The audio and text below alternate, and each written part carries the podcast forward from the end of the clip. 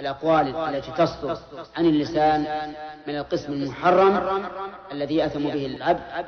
النميمة فإنها من كبائر الذنوب. وقد قال النبي صلى الله عليه وعلى آله وسلم لا يدخل الجنة نمام. وثبت في الصحيحين من حديث عبد الله بن عباس رضي الله عنهما أن النبي صلى الله عليه وعلى آله وسلم مر بقبرين فقال إنهما ليعذبان. وما يعذبان في كبير. يعني لا يعذبان في أمر شاق عليهما تركه. أما أحدهما فكان لا يستبرئ من البول. وأما الآخر فكان يمشي بالنميمة. وهذا هو الشاهد. يمشي بالنميمة بين الناس. فما معنى النميمة التي هذا شأنها؟ معناها أن تنقل كلام الغير في الغير. إلى الغير للإفساد بينهما.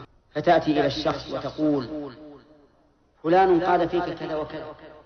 ألم تعلم أن فلانا سبك؟ ألم تعلم أنه قال فيك كذا وكذا؟ من أجل أن يفسد بينهما.